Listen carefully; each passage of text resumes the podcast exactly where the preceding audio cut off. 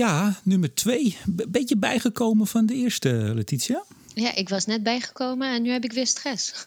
Be beetje rapporten zitten lezen het weekend? Een beetje rapporten zitten lezen. Man, beetje. Stop met rapporten schrijven, zou ik zeggen. Ja, of breng koffie, geloof ik. Hè, breng koffie, ja, altijd goed. ik heb een beter voorstel. Oh, vertel. We gaan beginnen. Oh.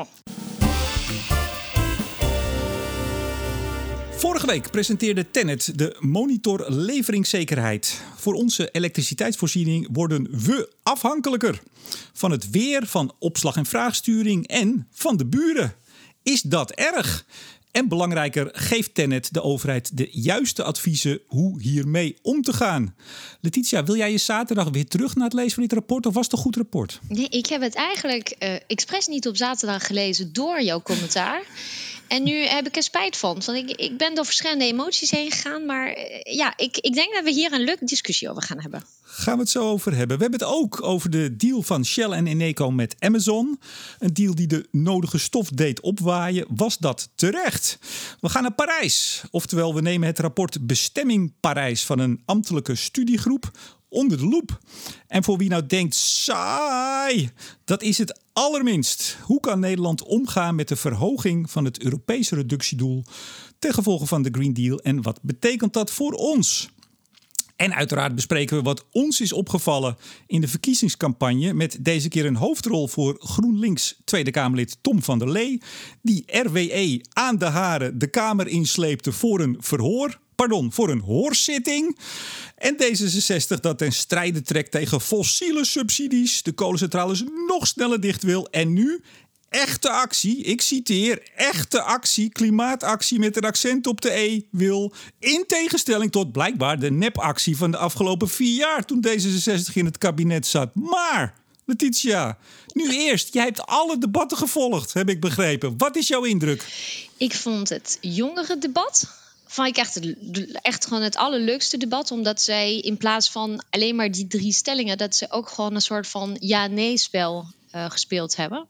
De jonge klimaatbeweging met hun klimaatkandidaten. Ik vond het echt, uh, er zat gewoon actie in. Het was een best wel lang debat, maar die vond ik echt leuk.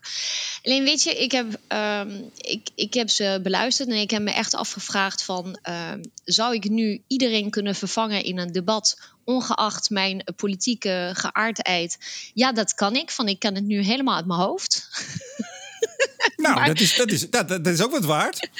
ik zag laatst van, uh, van Thijs van der Brink ook een kleine poll. Uh, over uh, wat, wat uitingen van politieke partijen. En ik, ik, ik had het helemaal goed. Nee, wat ik wil zeggen is, weet je wat mij opgevallen is? Ze hebben het allemaal over een andere periode in de tijd. Um, dan heb je de SP, die praat over dingen die eigenlijk gisteren hadden moeten gebeuren. Huizen isoleren en uh, de dakken volleggen. En dan heb je een PvdA die uh, zich een beetje bevindt tussen 2021 en voor mijn gevoel 2005 of 2026. En dan heb je een CDA en een VVD die stevast praten over alles wat er na 2030 moet gebeuren. En dus in die opzicht, ik probeer de debatten niet alleen te kijken als, als, uh, als uh, nou, expert of iemand die in ieder geval wel begrijpt wat er aan de hand is, maar als leek, je kan er helemaal niks mee. Nee, en dat, ik, ik kijk ze dus ook niet meer allemaal. Want het is echt van, zullen we uh, uh, gaan isoleren en zonnepanelen neerleggen... of zullen we een kerncentrale bouwen? Zegt u het maar. Ja, dus dat, ik, ja, en dat is wel, ik, ik zat wel te denken van, nou, ik heb eigenlijk me nooit uit geïnteresseerd voor debatten. En als je nu bekijkt en je weet niet zo heel veel van de energietransitie, van je bent gewoon alleen maar een burger die bijvoorbeeld in de zorg werkt ja, je hoort dingen en je denkt, ja, volgens mij is het allemaal belangrijk. Maar blijkbaar moeten wij kiezen van deze mensen. We moeten kiezen of we ons huis isoleren, of dat wij gewoon in de industrie groene waterstof gaan gebruiken, of dat we een kerncentrale gaan bouwen. En ik, wat me ook verbaast, is dat blijkbaar denkt, uh, bijvoorbeeld de PvdA, maar ook GroenLinks,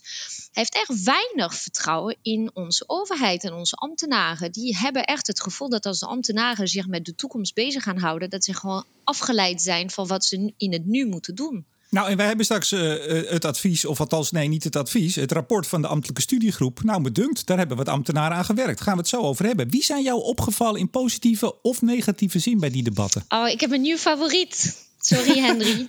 Ik, ben, ik vind die, die beste man van de ChristenUnie. En ik vergeet steeds zijn naam. Um... Pieter Grinwis. Zo, spreek je het, zo schrijf je het. Ik weet niet of je het zo uitspreekt. Pieter Grinwis. Nou, ik, ik vind hem helemaal, uh, helemaal leuk. En, uh, Waarom? Nou, ik vind hem rustig antwoord geven. En uh, als die in de hoek gezet wordt door uh, diegene die de vraag stelt of iemand anders, de verliest die zo'n kalmte niet. Dan gaat hij het helemaal uitleggen. En wat hij ook doet, hij is de enige die niet zegt: met ChristenUnie is dit of dat gebeurd. Of uh, de PvdA's destijds heeft dit of dat. Hij doet helemaal niet aan modder gooien. Dit weekend stond er in Trouw een groot artikel over de ChristenUnie in de afgelopen vier jaar. Ja, die jongens zijn wel lekker bezig. Hè? Halen binnen wat ze binnen willen Voorkomen ook zaken waar ze echt tegen zijn. Dus uh, dat is dus een andere manier. Niet ten, ten prooi gevallen van de VVD. Ja, en hij, neemt geen afstand van wat ze allemaal in het kabinet gedaan hebben. Dat het eh, stemt me ook wel vrolijk van. Soms luister ik naar de VVD en dan denk ik van, oh, dat klinkt allemaal heel erg goed. En dan denk ik toch wel van, ja, je hebt wel eh, hoeveel, twaalf jaar of zo de tijd gehad om daar iets aan te doen. Dus dat, uh, maar ChristenUnie die embrace gewoon alles wat ze gedaan hebben. Ze, ze voelen zich ook mede verantwoordelijk en toch durven ze naar, ja, naar voren te kijken. Dus ik ben helemaal gek op uh, die Heel goed. Is er, is er nog iemand in negatieve zin opgevallen? Hmm. Nee, Zo, ik ja, zou je nou, durf je dat ook? Nou, weet je, ik zou je nou meer vertellen. Ik was jaar 21, uh, werd uh, bij dat uh, jongere debat, geloof ik, of bij de Bali, een van de twee, werden ze ook gewoon, kregen ze de kans, de Bali was het, kregen ze de kans om ook een beetje iets te vertellen over hun, ehm, hun verhaal. En ik stond helemaal klaar, weet je. En en eigenlijk dacht ik van nou, dit is best wel een, een uh, constructieve antwoord. Het wordt uh, niet getwijfeld aan het uh, menselijk handelen en de impact op klimaatverandering. Dus ik was door iedereen best wel positief verrast eigenlijk. Ja. Maar ze hebben wel, en geloof ik, dat rapport over kernenergie, waar, jou, waar meneer Oeje nog twee nachten voor is opgebleven. Dat komt ook van hun hand, toch? Ja, ze hebben echt de prijs van de langste, dikste rapport van de afgelopen jaren, denk ik, wel binnengesleept. Uh, maar goed, eh, weet je, uh, nou, ze hebben een andere kostenbenadering uh, gekozen. En daar hebben we vandaag besloten om het er niet over te hebben. Van anders moet je de aflevering niet één, maar 2,5 uur maken.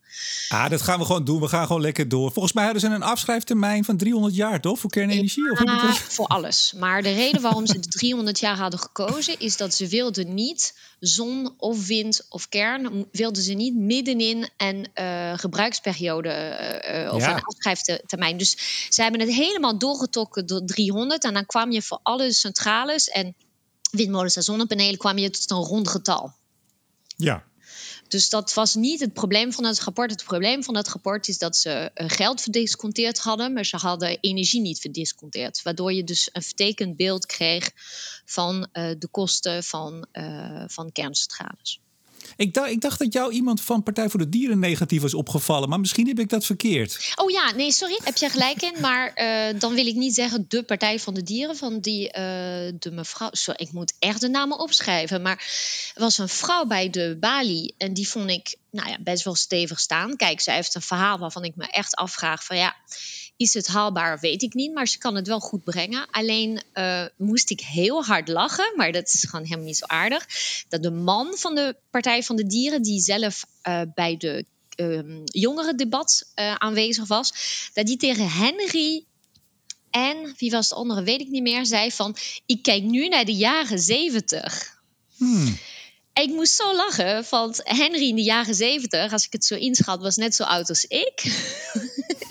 de man die dat zelf zei, is echt wel 15 jaar ouder dan Henry, uh, schat ik zo in. En ik vond hem heel agressief. Ja, was het Tweede Kamerlid Labbert van Raan? Ja, volgens mij heb je wel gelijk in. Ja, ik, vond, ik vond hem onnodig scherp en agressief.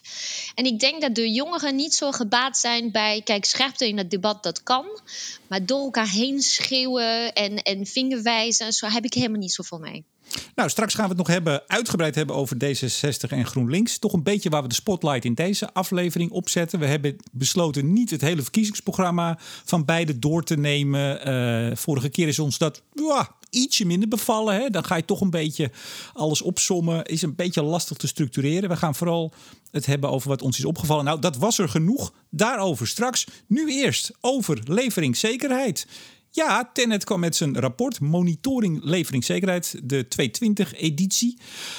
Ja, wat is je opgevallen? Ik wil beginnen, als het mag, van ja, met een hele kleine persoonlijke anekdote die helemaal samenvat hoe ik naar dit rapport gekeken heb. Ik heb een broertje, die trouwens uh, over een week 40 wordt, dus broertje. Maar goed, die kan supergoed tekenen. Kon altijd supergoed tekenen. En uh, in de jaren 80 was er, uh, waren er veel ongelukken op straat bij mij in de buurt in Parijs. En toen was er een tekenwedstrijd uitgeschreven over de gevaren van de straat.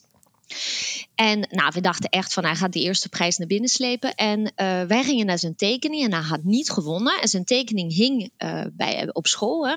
En hij had een boom getekend en een hele rustige auto. En een omaatje die gewoon overstak terwijl ze voorgang kreeg van de auto. En hij had geschreven: De straat is vredig, er gebeurt niks. ik, ik denk dat ik weet waar je heen wil, uh, Letitia. Want ik denk dat ik hetzelfde gevoel had. Vertaal het eens even naar dit rapport van Tenet. Ja, ik lees het rapport van Tenet en ik ben een groot uh, gelover in, um, in, in uh, de elektrificatie. Van volgens mij is dit een beetje wat we in het klimaatakkoord met z'n allen afgesproken hebben. Of het nou indirect is met waterstof en elektrolyse, of direct met elektrische krakers en elektrische auto's. Maar goed, ik heb de cijfertjes eventjes um, op een rijtje gezet. Zij zien de elektriciteitsvraag met eerst even afnemen, maar goed, corona en alles.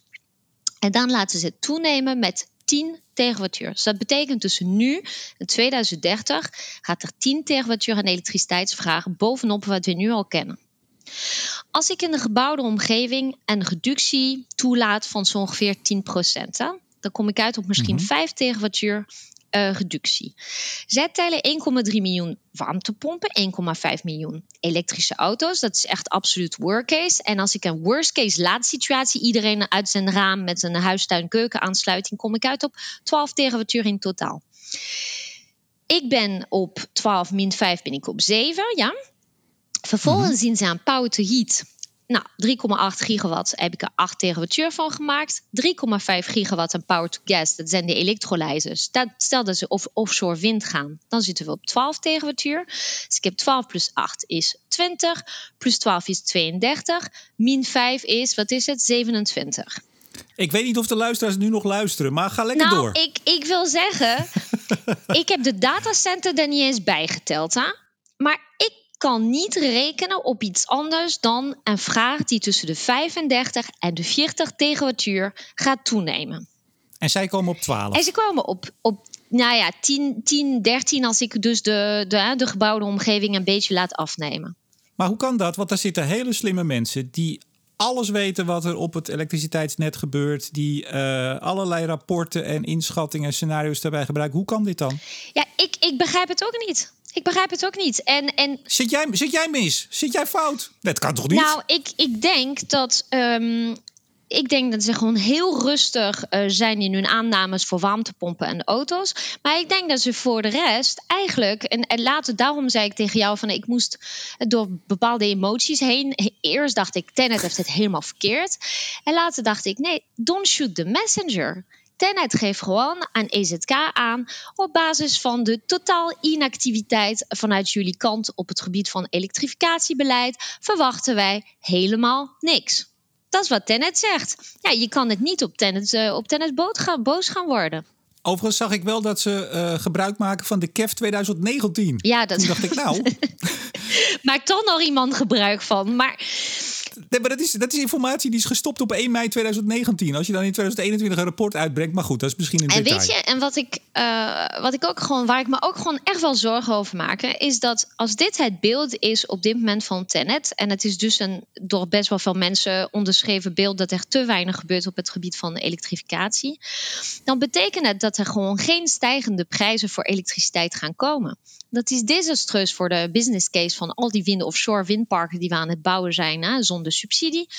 Het is desastreus voor het investeringsbeleid in Nederland. Dus ik maak me zorgen dat als het echt zo is dat er geen vertrouwen is in elektrificatie, dat er dus de, de, de, de voorzieningszekerheid meer dan ooit in, in gevaar is. En um, was nog iets anders. Dat gaat over het buitenland. Je hebt het best wel veel gehad in je tweets ook over de aannamen die er gedaan worden over België, Duitsland of Frankrijk. Nou, die aannames die kennen we natuurlijk helemaal niet. Want ik heb dit hele rapport van uh, voor naar, naar achter, naar achter naar voren gelezen. En daar staat één kleine alinea over de ontwikkelingen in het buitenland. Maar stel dat België per ongeluk, hè, dat, dat, dat verwachten wij helemaal niet na al die jaren. Maar stel dat België vergeet te investeren, ondanks alle mooie plannen. Of dat de kerncentrales eruit liggen. Als ze eruit liggen, maar als ook dat hele gas, gas. Ik zag dat iemand had gezegd: we gaan geen gascentrale bouwen, ondanks de, dat nieuwe regeling in België van die stoten CO2 uit. Ja, no shit, Sherlock. maar als België niet investeert, dan komt er nog 20 terawattuur aan vraag bij. Ja, weet je wat mij is opgevallen, Letitia? Want ik zat in de persbriefing. Uh, die wordt dan uh, daarvoor eh, gehouden, uiteraard op afstand. En ik heb op een gegeven moment gezegd tegen de, de nieuwe COO, hè, de opvolger van Ben Voorhorst. de, ik zou bijna zeggen, legendarische Ben Voorhorst. Die was toch Mr. Tenet.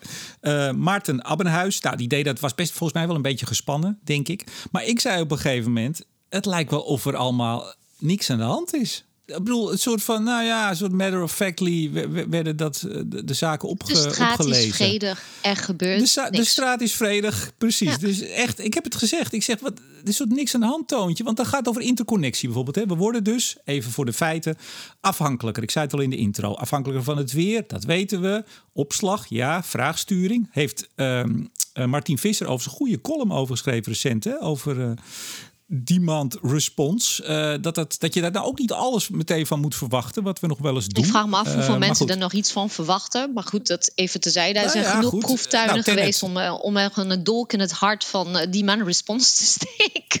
Nou ja, goed. Ik denk, kijk, in, in de industrie zal hier wat van kunnen van gaan verwachten. Hè. Ik bedoel, of we dat thuis gaan doen. Maar goed, Allah, laten we dat, dat, dat even vergeten.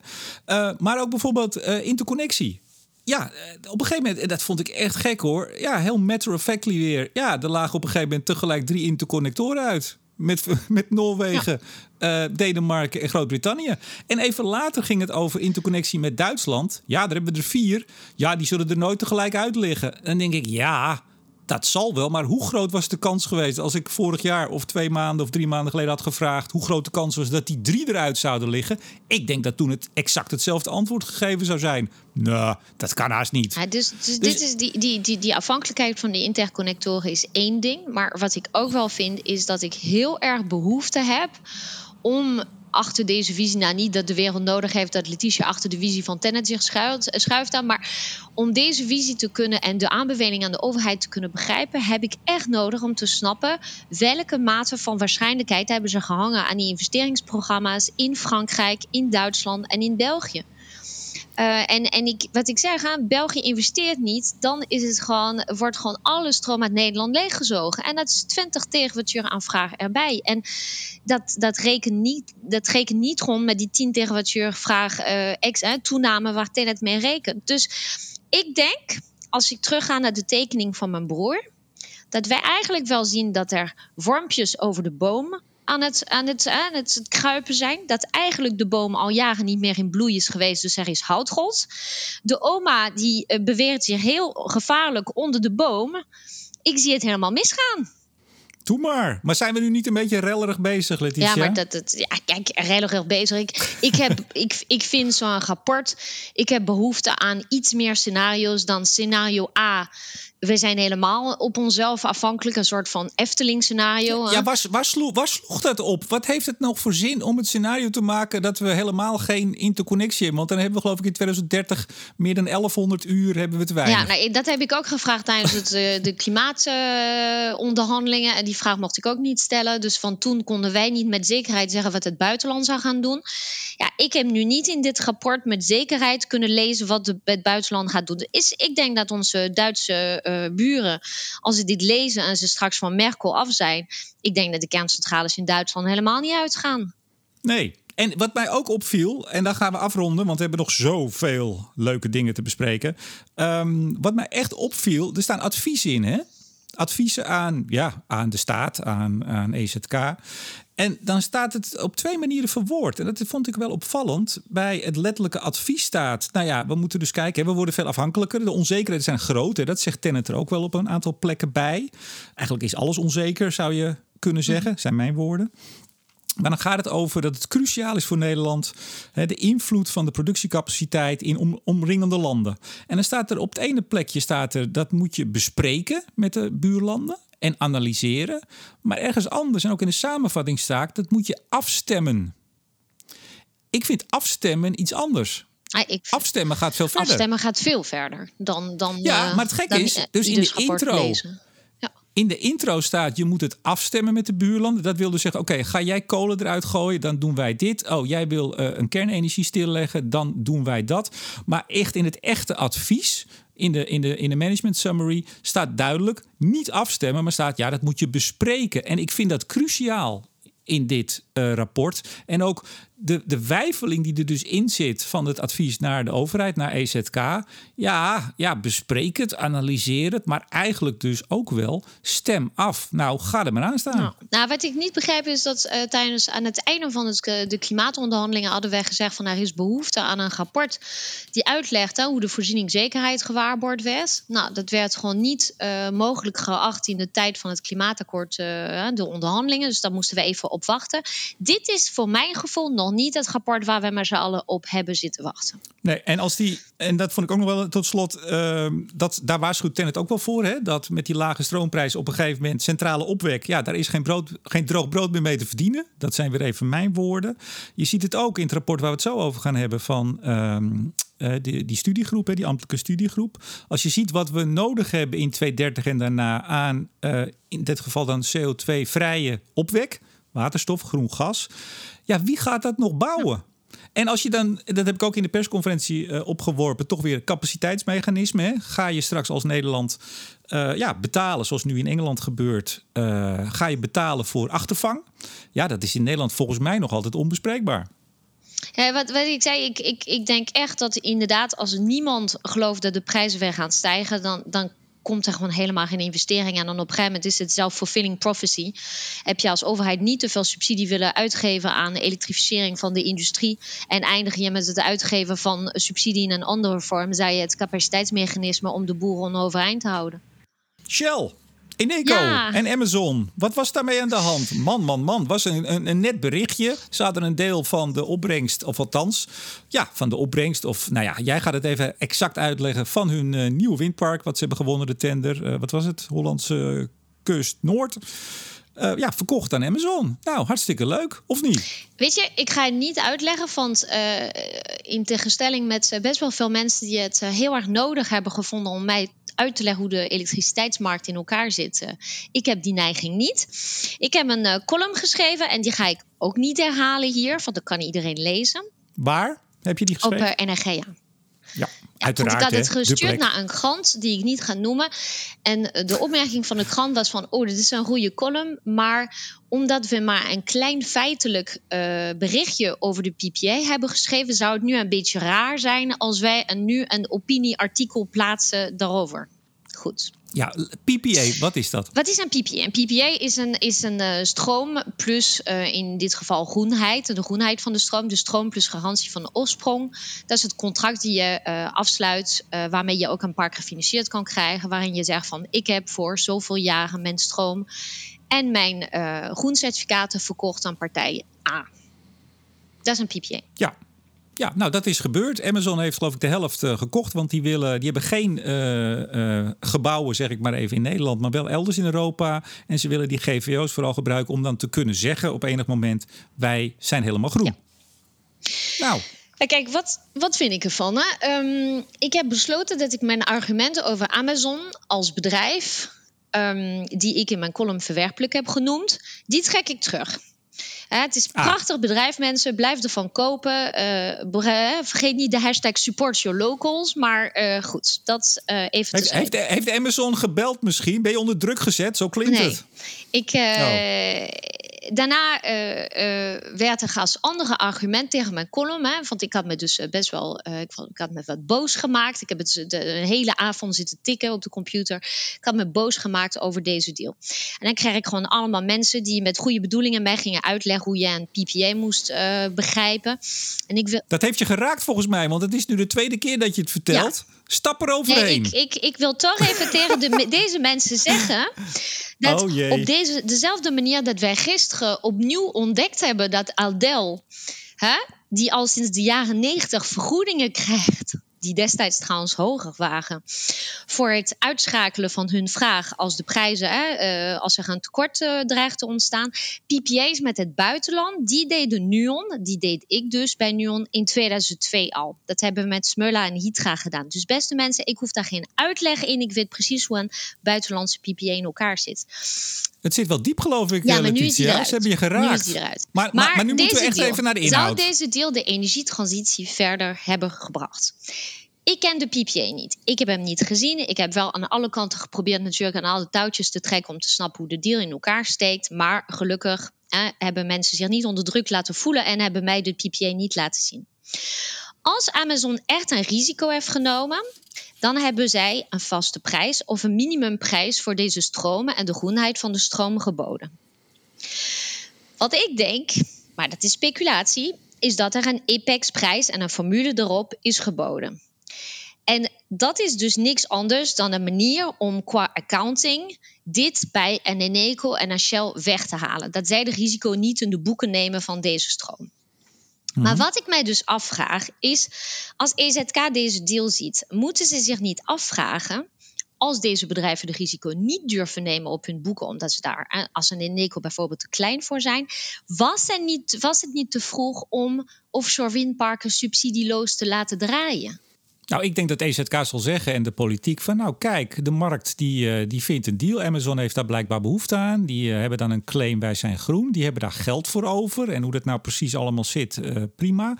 Dat geld is genoeg of dat helpt Shell en Eneco in dit geval om zonder subsidie dat park te bouwen. Iedereen blij. Ja, en wat ik me dan afvraag is bij het, bij het volgende windpark. Stel dat we weer in dezelfde situatie belanden van zoals we gezien nou, hebben. Stel, dat, dat komt binnenkort. Nou, ja. nou, nou dan uh, is het weer uh, Dongen, weet ik wat, een andere partij, wat een val. En die kijken er weer naar, die denken weer van het is gewoon te risicovol. En Alibaba, nog weer zo, of AliExpress, nog zo'n uh, supportje local, komt even langs. Prachtig bedrijf. Die komt langs en die zegt: Ik heb ook behoefte om in China iets te doen met jullie groencertificaten. Hup, teken je weer een deal. Dan is mijn vraag aan jou, Gemco: hoe groen is de waterstof die straks uit alle elektrolyzers die we gaan bouwen gaat komen? Hoe groen is die straks? Nou, niet. Althans, niet het deel wat we dan verkocht hebben. Want, maar ja, dat is natuurlijk het gekke. En jij weet daar inderdaad alles van. Dat is helder hoor. Jij weet er alles van. Jij deed al in 2002. Oh, dit, dit, stukje ga ik maar... een paar keer terugluisteren, Remco. Van mij. Mijn ego heeft echt een deuk opgelopen afgelopen Goed zo. Nee, maar dit, dit is... Ja, weet je, kijk... Ik, ik zit er wat simpeler in, maar ik heb niet zoveel verstand van, uh, zoals, zoals jij dat hebt, Letitia, van hoe dat precies werkt. Maar als, daar, als het geld waard is om zo'n claim te kunnen leggen uh, do, door die GVO's te kopen en, en de stroom en die weer door te verkopen, nou hoe het ook allemaal maar zit, prima. Um, uh, maar dat is iets heel anders, want dat was met name ook de ophef. En ik zag zelfs een, uh, uh, ik heb laatst nog in de, een andere podcast gezegd met Hans van Over Kleef. dubbeltelling. Zelfs een, F, een FD-journaliste die zei, nou, ze sl Amazon slurpt onze energie op. En dat was met name de ophef. Dus die was wat, wat simpeler dan de achtergronden die jij heel goed kent. Um, ik hou er nu over op. nee, maar maar um, wat wou ik nou zeggen? Dan ben ik nou, je wil of praten over de dubbeltelling. Ja, ik weet het al. Nee, precies, dubbeltelling. Daar gaat het om. Kijk, de, de Noren die zijn geloof ik 100% groen in hun stroom met alle waterkracht. Maar ja, He, officieel, dus als je op landniveau kijkt en hoe ze, hoe ze, hoe ze tellen. Um, maar ze zijn het dus niet. Ja, maar dat is een keuze die uh, in, uh, kijk, ooit. Uh, toen uh, groen, uh, ja, de hele handel met groencertificaten startte, voor de garantie van oorsprong. In Nederland had je twee regelingen. Dat was de regelingen op belasting, 36i en 36o. En, oh hemel. Ja, en daar kon je heel rijk van worden als handelaar. Maar goed, en als je groene stroom verkocht, moest je dat doen met 36o. En daarvoor moest je een, um, hoe noem je dat, een, een groen certificaat kunnen overleggen. En die kon je overal in de wereld, kon je, na, in Europa kon je die vandaan halen. Op een gegeven moment is deze regeling uh, vervangen door de MAP. En bij de MAP was in principe het idee dat je als uh, windproducent uh, met de subsidie dat je hele on onrendabele top werd vergoed. Hè? Dus je krijgt gewoon een subsidie en je hoeft je daar geen zorgen meer over te maken en geen klant meer te zoeken voor je groen certificaat. Maar omdat heel veel Nederlanders waren begonnen met het gebruik van groene stroom als product, hebben wij als energiebedrijf aangeklopt destijds bij de NMA was het. Hè? Nee, DTE was het, DTE. En toen hebben we tegen ze gezegd, ja, wat zullen we nou gaan doen? En ze hebben gezegd, wij willen, en dat wil EZK ook, dat jullie doorgaan met het verkoop van groene stroom. En dus dat er naast de map nog steeds groencertificaten worden gewoon overhandigd aan de parkeneigenaren. Dus dit was het hele idee, was om ervoor te zorgen dat Nederlanders nog steeds groene stroom afnemen en hiermee ook een soort van verbondenheid voelen uh, met uh, de energietransitie. Je kan er van alles van vinden. Dat verhaal rondom dubbeltelling is al eh, twintig keer in de Tweede Kamer geweest. Alleen elke keer was het wel grappig dat het zo ongeveer oppopte rond de kerst. En dan kwam de kerstreces eroverheen en vergat iedereen het. Het is echt in 2003, 2005, 2007 kwam het elke keer weer terug. Er is geen sprake van dubbeltelling in de zin dat uh, de accounting van de groenheid gebeurt maar één keer. Dus op dezelfde manier dat Noren tellen hun uh, opgewekte groene elektriciteit voor hun eigen cijfers, tellen wij onze eigen opgewekte elektriciteit voor onze eigen cijfer. En uh, daar is geen Precies. handel in. Het enige is dat ik vind nog steeds als klant in Nederland die meebetaalt aan de SDE, dat alles wat er opgewekt wordt in principe door de stroomcontact komt en dat ik ervoor betaald heb. Ja, dat komt het ook. Alleen, alleen Amazon kan zeggen dat ze distributiecentrum in Zuid-Duitsland groen, is. Nou, prima, laat ze dat zeggen, maar het is niet zo. Nee, het is niet zo, maar in de Duitsers bijvoorbeeld, waarom kan Amazon dit niet in Duitsland doen? Dat komt doordat de Duitsers wel de groen certificaat opeisen bij het betalen van de EEG, dus van de feed-in tariff. Ja, nou, we gaan lekker door, want we kunnen hier nog een uur over praten. En ik denk dat we al heel veel luisteraars kwijt zijn. Nee, die zijn er nog steeds. Maar je die blijven dus lekker wel hangen. dat ik nu zeg, dit is niet uit te leggen, mensen. Dit kan je niet als je staat voor een zaal in Vlaardingen of in Drenthe... om weer te praten over de energietransitie en de ene windmolen waar ze geen zin in hebben. Dit kan je toch helemaal niet uitleggen. Nee, nou, kunnen we wel uitleggen, heel kort, dat uh, Nogepa een reclamecampagne is gestart uh, om uh, toch, toch vooral Nederlands aardgas te winnen? Ja, ja dat was wel grappig. Hè? Waren we ineens helemaal terug naar 1961. Ik heb in het, um, in het Nationaal Archief heb ik ooit voor een, voor een um, online college zo een reclamespot gevonden. En misschien kunnen wij door trucjes op internet of zo hem proberen te verspreiden via Twitter deze week. En dat is eentje waar je ziet een, een klein meisje die dan speelt met een stukje krijt. En dan hoor je op de achtergrond: aardgas is schoon. ja, die moeten we even gaan opduikelen. Maar het is nog steeds waar dat als we nou Nederlands aardgas gebruiken, en dan zeg ik er altijd maar weer bij, niet uit Groningen, dat is over en uit, maar uit kleine velden, dan is dat schoner dan dat we het gas uit de VS of Rusland halen. Ja. Dus het is nog steeds van toepassing. Het is absoluut van toepassing. Ik vraag me af of zo een, een feel-good movie of het mensen uitleg, uh, uitlegt dat het verschil in methaanlekkage groter is en al dat soort dingen. Ik, weet je, ik heb er niet zo heel veel tegen. Ik, ik hoop dat het niet al te veel geld heeft gekost, maar uh, dat heeft te zijn. Het is een leuke feel-good movie. Bestemming Parijs. Yes. Ja, daar was ineens een rapport uh, van een ambtelijke studiegroep onder leiding van Laura van Geest, de topvrouw van de AFM. Dat verscheen. We hebben het vorige keer al even aangekondigd dat we het alle twee gingen lezen. Nou, ik, ik dacht toen inderdaad, en jij ook, dat het 90 pagina's was. Dat viel tegen, want er zaten nog annexen bij van een paar honderd pagina's. Dat doen ze altijd, hè? Ja. ja, 400 in totaal. Nou, ik kan je vast zeggen, ik heb er 90 gelezen. En niet die, eh, die paar honderd ernaast. Ik weet niet, hoe ver ben jij gekomen? Ik, uh, ik heb alleen maar het hoofdrapport gelezen. Oké, okay, nou, dan ja. hebben we hetzelfde gelezen. En wat, uh, wat is jou het meest opgevallen? Ja, ze vinden dat we het klimaatakkoord moeten gaan uh, uitvoeren. En ze wijzen vooral, voor mijn gevoel, de Nederlandse overheid op haar uh, plichten.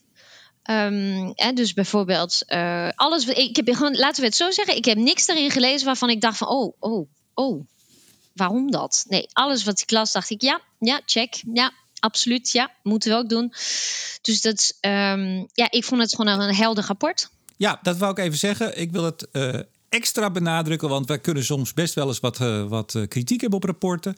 Overigens ook hier weer, dat geldt ook voor Tenet, uh, hulde voor de mensen die het uiteindelijk geschreven hebben, want het is altijd een ongelofelijke klus. Um, maar dit was wel een heel helder geschreven rapport hoor. Echt opvallend, helder en duidelijk, gewoon goed geschreven. Je, het leest als een trein, dat is fijn. Ik vond ook de eerste 40 pagina's ongeveer, 40, 50. Dat is eigenlijk vooral het uiteenzetten hoe nou uh, Nederlands en Europees beleid werkt. Wat onze doelen zijn. Wat, wat bindend is. Wat uh, streefdoelen zijn. Ik vond dat er buitengewoon helder. Ik kan het iedereen aanraden. Dus dan hoef je geen 90. Maar als je alleen maar wil weten. Wat zijn de doelen die er nou liggen? Uh, en wat is het beleid? En hoe werkt dat beleid? Hè? Wat is de, de, de infrastructuur van dat beleid, zou je kunnen zeggen? Nou, lees dan die eerste 40, 50 pagina's. En vervolgens, wat doet de studiegroep? Uh, ja, die hebben uh, opties gegeven. Hè? Er zit ook een afvinklijstje voor bij de formatie. Dat is ja, die was ook handig. Een soort to-do-lijstje. Nee, afvink, ik vond het een to-do-lijstje. Nou, het was, nee, het was afvinken. Er zaten ja, keuzes mochten wel ja, kiezen. Ja. ja, maar wat vind je van die... Ze hebben drie opties gedaan. En dat is eigenlijk vrij overzichtelijk. Uh, dus er komt vanuit Europa... daar gaan we naar de 55% in plaats van de 40% reductie in 2030. Nou, flink hoger. En er zijn drie varianten, A, B en C, uitgewerkt. Voer gewoon het klimaatakkoord uit zegt de club in variant A. En verhoog alleen de niet-ETS-doelen. Want ja, daar gaan wij over. Nou, B is uh, verhoog onze hele ambitie. Dus de 49% waar we nu op koersen, waar ook ETS in zit. Ga die dan nou, bijvoorbeeld naar de, de, de 55 trekken. En C is eigenlijk, ja, doe dat klimaatakkoord zoals we het nu hebben. Verhoog de niet-ETS-opgave. Dat zullen we moeten. Maar laat in de ETS-sector eigenlijk alles los. Laat zowel de SDE los als de CO2-heffing. Nou, en dan kunnen ze kiezen. Ja, en dan uh, voor een paar. Ik had het gevoel dat een paar van die aanbevelingen waren eigenlijk een beetje scenarioloos. Dat was in alle drie de scenario's moest je gewoon het kip en ei doorbreken in infrastructuur. Misschien heb ik gewoon uh, last van wensdenken hoor. Maar mm -hmm. ik heb gelezen van nou, stimuleer uh, met spoed de opschaling van technieken. Ga iets doen aan de beprijzing van aardgas in de gebouwde omgeving. Uh, verleng de fiscale regeling voor emissievrij personenauto's. Uh, nou ja, ja, maar dat is een goede. Wacht even, daar, daar haak ik even op aan. Want dat vond ik opvallend. Je haalt nou net een punt aan. Kijk, dit is een rapport en dat schrijven ze ook mooi in de verantwoording. Hè. Het is zonder last of ruggespraak. Ze, ze zijn helemaal vrij om los van de politiek zo'n rapport te maken. Dat is heel goed. Hè. Dit is ook wel een kracht van Nederland, van het Nederlandse model. Hè. Dat je ambtenaren hebt. Je kan het ook weer uh, kritiek op hebben. Hè. Dat de ambtenaren de macht zijn. Maar, maar goed, je hebt dit wel nodig. Um, aan de ene kant zijn het vooral ja, overwegingen die ze meegeven, hè? vragen die ze ook oproepen. Tien ja, beleidsvragen die voorliggen. Maar ik vind ze op sommige punten vind ik ze toch wel ietsje verder gaan. En ze waren stellig. Ja, ja, ja. bijvoorbeeld in de gebouwde omgeving, dat viel mij echt op.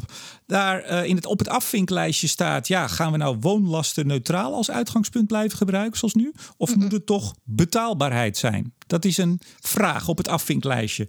Maar als je dan in het rapport kijkt, dan staat er eigenlijk gewoon: ja, betaalbaarheid is een beter uitgangspunt. Anders krijg je perverse prikkels en ongewenste verdelingseffecten.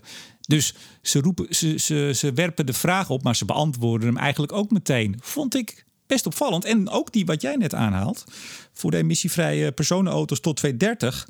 Er staat er ja, verleng dat stimuleringspakket. Ja. Ik denk, nou, hoezo? Want we hebben, we hebben normering. Hè? Nou, dat gebeurt in Europa. Hoeveel uh, gram CO2 er vrij mag komen.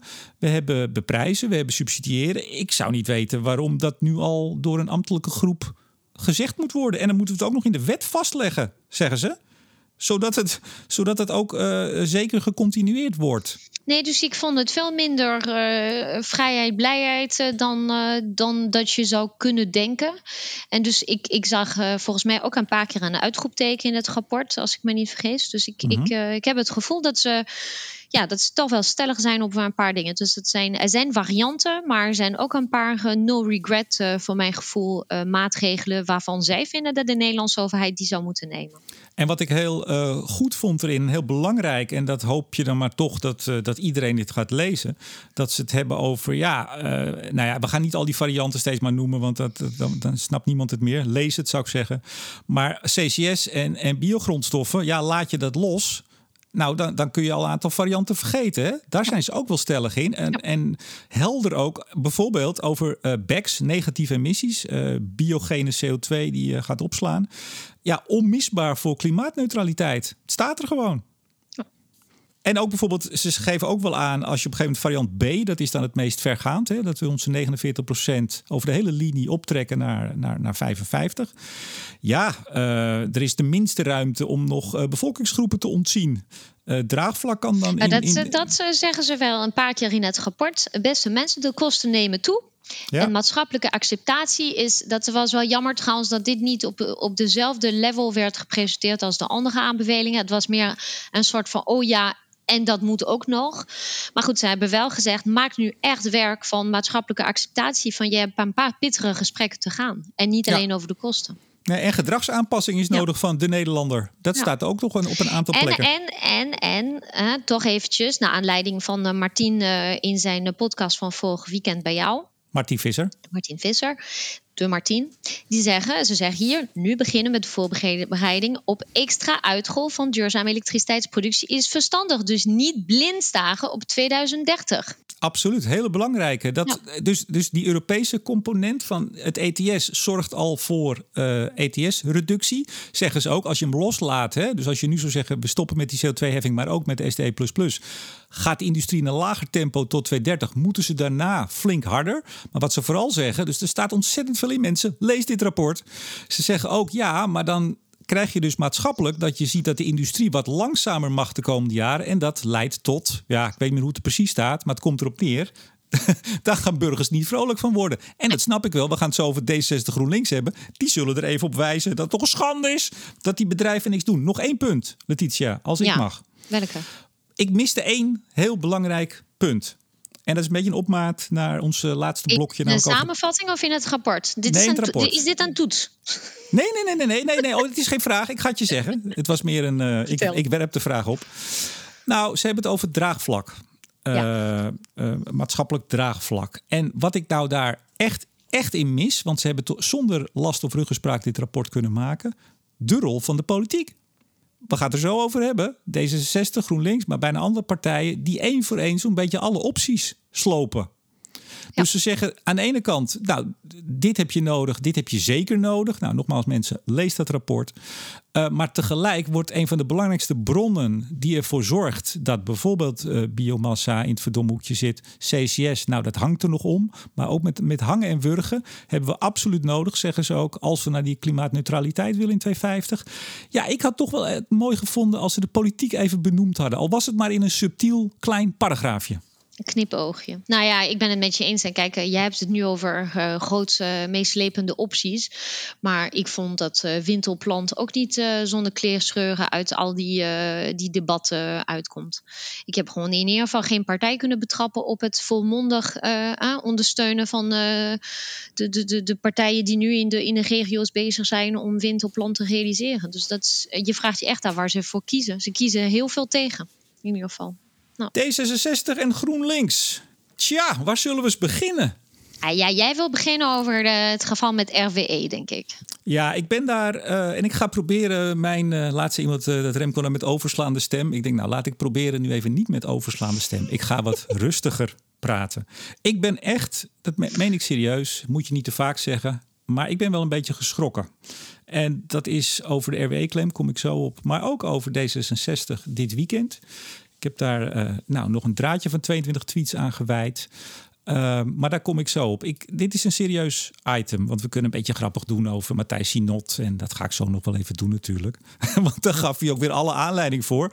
Maar even de RWE-claim. RWE zegt, ja, onze kolencentrale uh, moet eerder dicht. En nou, wij vinden die compensatie, want de staat heeft gezegd... Hè, je mag tot 2030 door. Dat vinden wij compensatie genoeg.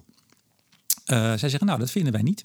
Dus zij uh, starten een arbitragezaak. En de reactie daarop Overigens, ze starten ook een rechtszaak gewoon in Nederland. Hè? Dat mhm. gaf uh, de, de baas Roger Miese in de, de hoorzitting aan. Ik noem het een verhoor. Hè. Hij werd aan zijn, uh, de weinige haren die hij nog heeft, werd hij de Kamer ingesleept.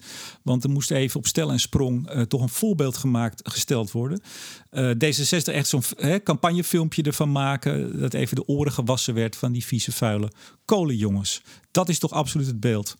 Bijzonder ook wel dat het binnen een week zo'n hoorzitting even te regelen is. Hè? Vind je niet? In de laatste week voor het Ja, het is gewoon allemaal natuurlijk en scène, en scène gezet. Maar Precies. Ik, um, nou ja, even, ik laat je je betoog even afmaken. Ja, nou ja, kijk, RWE heeft een claim. En die zeggen wij willen 1,4 miljard uh, euro. Nou, uh, Thijs ten Brink en uh, Matthijs Sinot nam dat over in de Tweede Kamer. Die noemt dat een hilarische claim. Nou, ik denk ook dat die, uh, dat gaan ze nooit krijgen. Uh, als ze überhaupt wat krijgen. Ik heb ook geen idee of ze wat krijgen. Dat doet er voor mij ook helemaal niet toe. Maar wat mij opviel, uh, RWE, of sorry, GroenLinks begon, hè, Tom van der Lee. wat een obstructie, twitterde die toen bekend werd dat RWE. En obstructie waarvan? Nou ja, dat vroeg ik me dus ook af. waarvan, nou wat blijkt dus, dat is obstructie van het klimaatbeleid. En uh, hij zei ook bij RTL later in een, uh, in een uitleg erover: het klimaatbeleid mag niet gestopt worden door fossiele giganten. Een bizarre zaak vond hij het. Oftewel, een bedrijf dat vindt dat het onrecht is aangedaan. Ik laat in het midden of dat zo is, beste luisteraars. Dat doet er niet toe. Maar als jij de baas was van, uh, als je Roger was, hè, of, of een van zijn aandeelhouders, zou je naar de rechter gaan? Ik, ik, zou begin, ik zou gewoon onmiddellijk naar de rechter gaan. Ja, nou goed, hij heeft er, de RW heeft er al een tijdje uh, nou, mee gedreigd. Ja, ze hebben het vaker gezegd, al, uh, al toen dit ging spelen, dat hij dicht moest. Maar even los daarvan, daar gaat hij niet om. Dit gaat erom dat een Tweede Kamerlid, we kennen iets van scheiding der machten, zich zeer negatief uitlaat. Ik maakte daarvan zelf op Twitter dat hij eigenlijk wil dat ze het niet doen. Nou, dat mocht ik niet zeggen. Ik kreeg zelfs een een GroenLinks-wethouder achter me aan die vond dat ik Toms vrijheid van meningsuiting uh, niet respecteerde of iets wat daarop leek. Echt, je krijgt dan dat soort bizarre opmerkingen. Terwijl ik vind dat al, al verfoei je een RWE, je zal het altijd op moeten komen voor het recht van iedere partij, of het een individu is, Urgenda of RWE, om zijn recht te halen. Als zij vinden dat dat geschonden is je hebt, er niet, je hebt er niet in te treden of dat wel of niet mag. En wat ik echt stuitend vind, is dat je dan zegt, en dit zien we vaker helaas door politieke partijen en hun aanhang, dat als ze iets doen wat ze onwelgevallig is, dat ze dan zeggen: dit, uh, dit is obstructie, dit uh, houdt het klimaatbeleid tegen. Want wat koppel je daar dan aan? Dan koppel je daaraan dat dat soort bedrijven of wie dan ook iets doet waardoor het klimaat meer opwarmt. En dan kunnen jij en ik wel invullen wat er achteraan zit. Namelijk dat er overstromingen gaan plaatsvinden, dat er doden gaan vallen. Dat zit hierachter. En ik vind het zo slecht dat je bedrijven of individuen of wie dan ook. Ik kreeg gisteren nog een tweetje dat mijn tweet het klimaatbeleid, wat was het ook alweer? Ook obstructie. Uh, dit, dit, uh, het idee dat als je niet meeloopt. Nee, ik wil nog even zeggen, als je niet meeloopt in het, in het verhaal van een partij, dan frustreer je of pleeg je obstructie in het wereldwijde klimaatbeleid. Want daar gaat het dan om. Dit is een wereldwijd iets. Ik vind het echt, echt bizar. Maar ik, weet je, ik lees het, ik, ik, ja, ik vind het een beetje de kippenhok. En ik, ik, ik, volg volgens mij uh, Tom ook niet. Dus dat, ik heb er gewoon niet zo heel veel last van gehad. Maar um, wat ik wel denk is van als je even alleen in Excel-modellen denkt, hè, dus, dus het hele geval boeit je gewoon helemaal niet en, en hoe ze met elkaar omgaan ook niet of zo. Wat ik denk is, als ik nu van GroenLinks was, zou ik zeggen van ja, weet je, nee prima, ze hoeven niet meer dicht. Ze hoeven niet meer dicht. Na 2030 kan je open blijven. Want eigenlijk, het vervroeg dicht willen doen en daarvoor ook gewoon straks langs de kassa moeten. Dat is toch van de zotte. Want als je een beetje als overheid in je eigen plannen gelooft, als je een beetje een keertje Excel aanzet, je ziet wat er allemaal aan duurzame terwatuur geproduceerd gaan worden. Je ziet wat er op zee gaat gebeuren. Je gelooft echt in jouw verhaaltje over de EU-ETS, die nu, hè, nu dat de 40 gepasseerd is, die nu echt aan een opstijging bezig is. Je weet dat die biomassa-subsidie subsidie stopt in 2023. Dan gaan toch die kolencentrales vanzelf dicht. Weet je, Letitia, ik had gisteren uh, schoot mijn woord in mijn hoofd en ik weet niet of het bestaat. Maar we krijgen steeds meer, uh, als het hierover gaat, dat wij in een symboolcratie. Ik munt hem maar vast, een symboolcratie zitten. Ja, maar meer dan dit is het niet. Dit is erg voor de bühne. En uiteindelijk, ik bedoel, ik denk dat Roger ook gewoon een paar keer achter de. Dat je, nou, hij rookt, dus het sigarendoosje of het sigaretdoosje, dat die heeft die omgedraaid en een paar keer heeft gerekend van. Ik hoop dat ze doorgaan met uw dommigheid. Van dan kom ik langs de kassa en krijg ik alsnog geld ervoor. Van dit was, weet je, hij had het zelf ook niet kunnen zien uh, gebeuren. Hij, heeft gewoon, uh, hij staat in 2030 of iets van 15 jaar van zijn 40-jarige draaitijd. Het is een baksteen en de dark spread is heel uh, vervelend aan zich aan het ontwikkelen. Dus het ziet er heel gloomy uit voor die kolencentrales. Dus de kolencentrales, zodra de biomassa-subsidie stopt, dat gaat gewoon vanzelf uit. Ja, maar je ziet dus ook, we hebben het net over gehad over het leveringszekerheidsrapport. En als je het rapport van Van Geest uh, bekijkt, het, het, vermogen wat we nog neer moeten zetten na 2030 als het gaat over uh, centrale opwek. CO2-vrij weliswaar. Ja. Nou ja, bouw hem om. Uh, waterstofcentrale, weet ik veel. Ja, dat is dus het jammer. Als je bedenkt dat er volgens mij, die een keer gerekend, dat er 350 andere kolencentrales in de wereld zijn. Hè? In, ten op, nee, sorry, 350 keer zoveel kolencentrales als wat we in Nederland hebben. Dat is volgens mij het getal in de wereld waarom hebben we niet met die drie centraletjes die we hier hebben, gewoon een, voorbeeld gegeven van hoe je die ombouwt tot een multifuel centrale? Overigens, wat ik ook nog echt wel heel storend vind, want ik wil het hier toch even vooral over het politieke aspect hebben, is dat zowel GroenLinks als D66, laten we daar het bruggetje maken, het dan hebben over, uh, ik zag uh, uh, Matthijs Sinot, die vond dat RWE de staat gevangen houdt met hun claim in een achterhoedegevecht op kosten van de belastingbetaler. En dat is ook wat GroenLinks zegt. Ja, eigenlijk, eigenlijk wil RWE geld van de belastingbetaler. Ook dat is weer een, iets wat echt niet kan als uh, volksvertegenwoordiger. Nee, maar ja, wil gewoon staan voor haar uh, privérechten, eigendomsrechten.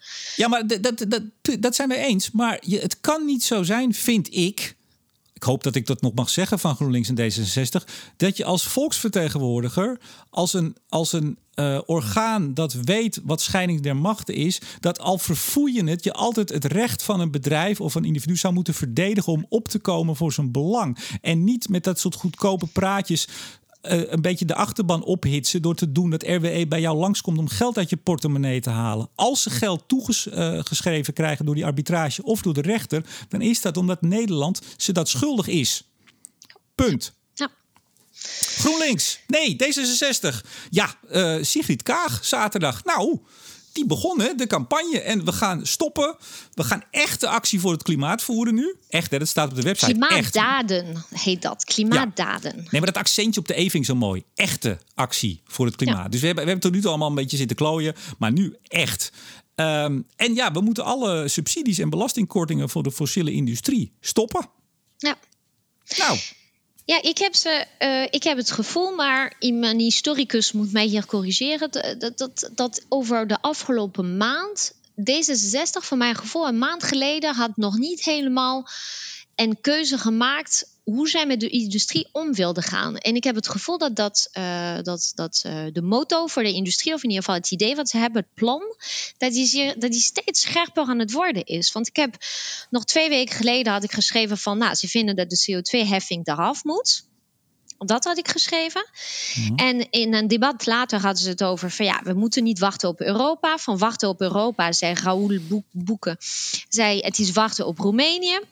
Nou, dus vervolgens zei hij van we moeten gaan onderzoeken of we niet aan koploper kunnen zijn. En in het laatste debat met die uh, jongeren, toen hadden ze er echt over van de heffing gaat eraf, maar komen bindende doelstellingen.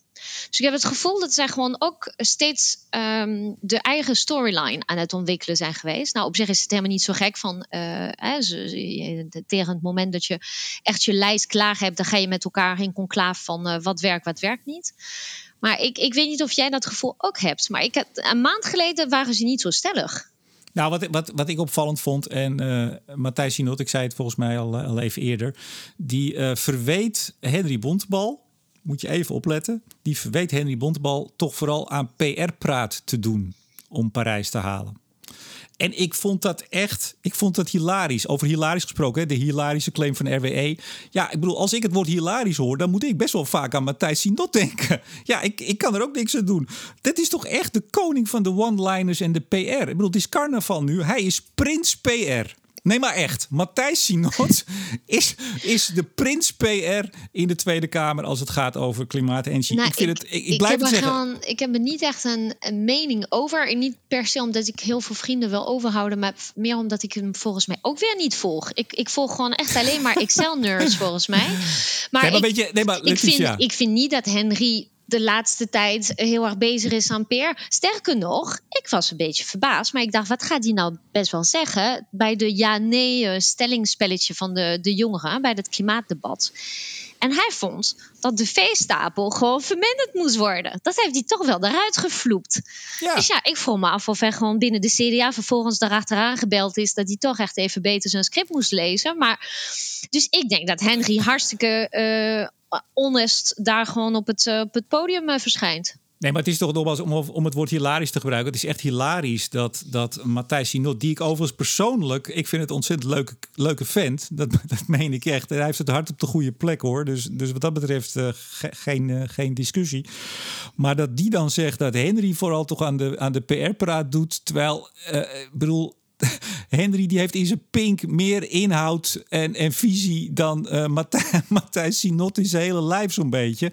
Dus ik vind het ook wel weer vrij schaamteloos dat je dat dan gewoon eruit uh, gooit. Zat wel een smiley bij, zeggen we dan maar. Maar goed, weet je, het is campagnetijd en je ziet gekke dingen. En ik wil toch nog even naar D66, want daar heb ik me toch ook wel over verbaasd. Het was op het uh, 8 uur journaal, of op in ieder geval op het NOS journaal. dat statement van van Kaag dat uh, ja, de, de kolencentrales die draaien op subsidie.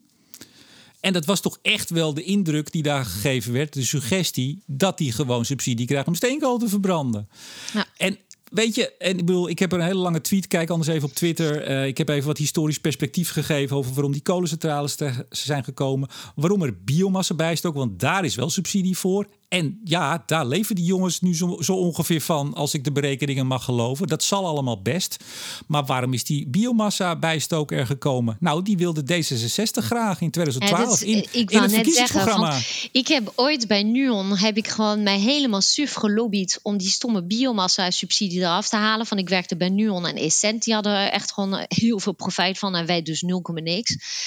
En je kreeg nergens gehoord. Niemand wilde met je praten in die tijd. Dus ik moet wel lachen dat het ineens wel in een verdom hoekje is, is beland. Van volgens mij waren dezelfde partijen die gewoon echt de deur op uh, slot uh, hielden. Als wij uh, als Nuon kwamen zeggen dat het toch heel oneerlijk was dat de kolencentrales biomassa bijstok subsidie kregen. Ja, maar, maar echt, hè, nee, maar D66 ging in 2012 de verkiezingen in met er moet meer bijstook van biomassa. In 2010 de PvdA die had een notitie over dat we toch stabiel beleid moesten gaan voeren. En niet steeds zwabberen bij iedere verkiezingsuitslag.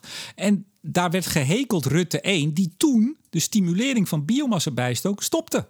Ja. En dat vond de PvdA dat dat toch eigenlijk niet moest. Dus wel subsidiëren, wel stimuleren. En kijk, en dat is het punt wat ik wil maken tot slot. Uh, en waarom ik eigenlijk echt wel serieus uh, hier moeite mee heb. En ik denk dat partijen, nou, zichzelf, maar zeker de transitie, echt in de vingers snijden. Wat dit doet, is het wantrouwen tegen de politiek en uiteindelijk ook tegen de transitie aanwakkeren. Want er worden claims gelegd. Bijvoorbeeld GroenLinks bijvoorbeeld nog even. Die zegt wij gaan stoppen. We willen stoppen met de winning van fossiele energie. Stoppen. Ja. Nou, we weten inmiddels, dan kunnen wij ons gas dus uit Rusland gaan halen. Heeft een 30%, 25, 30% slechtere klimaatvoetafdruk. Ja, maar dat, is één ding. Maar hiernaast vraag ik me af of mensen wel begrijpen wat de implicaties zijn voor de, de, geopolitiek. En het feit dat je gewoon. Dat betekent dat je. Laten we niet vergeten hoe het tussen Rusland en Oekraïne een tijdje gegaan is. Uh, en dat gewoon als je tegen Poetin vervolgens, of wie hem ook maar gaat vervangen, of heeft al vervangen. Als je tegen hem gewoon een beetje iets doet wat hem niet bevalt op een, andere, op een hele andere dossier, dan dreigt hij weer met de gaskraan dicht. Ik, ik vraag me af of mensen dit wel beseffen. Ja, nee, maar, maar los daarvan, Letitia, dat weten ze bij GroenLinks en bij alle partijen weten ze het ook wel. Het maakt niet uit. Het is verkiezingstijd. We gaan claims neerleggen. D66, uh, eh, subsidie van de kolencentrales, uh, die moeten het eerder dicht. Die, het moet stoppen, het moet weg. En er worden claims gelegd die never nooit hard te maken zijn. En dat wakkert uiteindelijk het wantrouwen tegen diezelfde politieke partijen aan. En dat is dus precies wat ik in die column in NRGA... en nou ging het deze keer over dat Amazon PPM... maar dat gaat echt over vertrouwen van, van de kiezer is zo bizar belangrijk. Van mensen moeten het gevoel hebben dat het eh, netjes in elkaar steekt. Dat niemand, inderdaad, wat je zegt, van hun portemonnee ziet te jatten. Dat niemand op een oneerlijke manier rijk ziet te worden. En al dit soort berichten helpen niet. Ze hebben het gevoel dat ze aan alle kanten, en pardon my French, genaaid worden. Ja, en, en, en, ik vind het zo bizar. En ik, ik hoorde het laatste Henry Bontebal, dat was in het Bali-debat zeggen, dat het hem wel verbaast. Hij zei het nog iets sterker, dat partijen die de, de, de grootste mond hebben over hoe belangrijk klimaatverandering is, uh, het, het makkelijkst oplossing onder de bus gooien. Ja. Nou, hier zie je hetzelfde, dat partijen die het, het allerhoogste uh, hun speerpunt van maken, D66 nu ook, ja, concurrentie met GroenLinks, daar ga je al. En die echt dit dit schaadt de transitie. Geloof me, beste GroenLinksers, beste D66'ers. Ik snap wel dat het goed klinkt en dat je hoopt dat er daardoor meer mensen op je gaan stemmen. Maar je kunt deze claims never nooit hard maken. En dit wekt wantrouwen aan tegen jezelf, tegen het politieke stelsel en uiteindelijk dus ook tegen die transitie. Doe dat niet. En kom nou gewoon met een verhaal. Ja, gewoon. Kom met een verhaal waarin je eerlijk bent naar de keuzes die je moet maken. De moeilijke keuzes die er liggen. Want ze willen allemaal ook stabiel beleid. Ze willen allemaal stabiel, langjarig beleid. Maar ze knallen als eerste de afspraken onder de bus. En of het nou CCS is of biomassa of, of het wat hele dan ook. klimaatakkoord. Of het hele klimaatakkoord. En Ja. dat gaat dus niet. En zoals ik in dat, eh, dat twi- Twitter-draadje van 22 tweets even wat liet zien eh, over hoe het tot nu toe gegaan is. En dan vervolgens roepen we willen stabiel beleid, maar je knalt het er zelf onder. Zal het helaas in eh, eh, het productje waar ik eh, ha- hard aan aan het werk ben, wat eind dit jaar uitkomt, nog veel erger Dat gaat zijn. ook niet helpen. hè?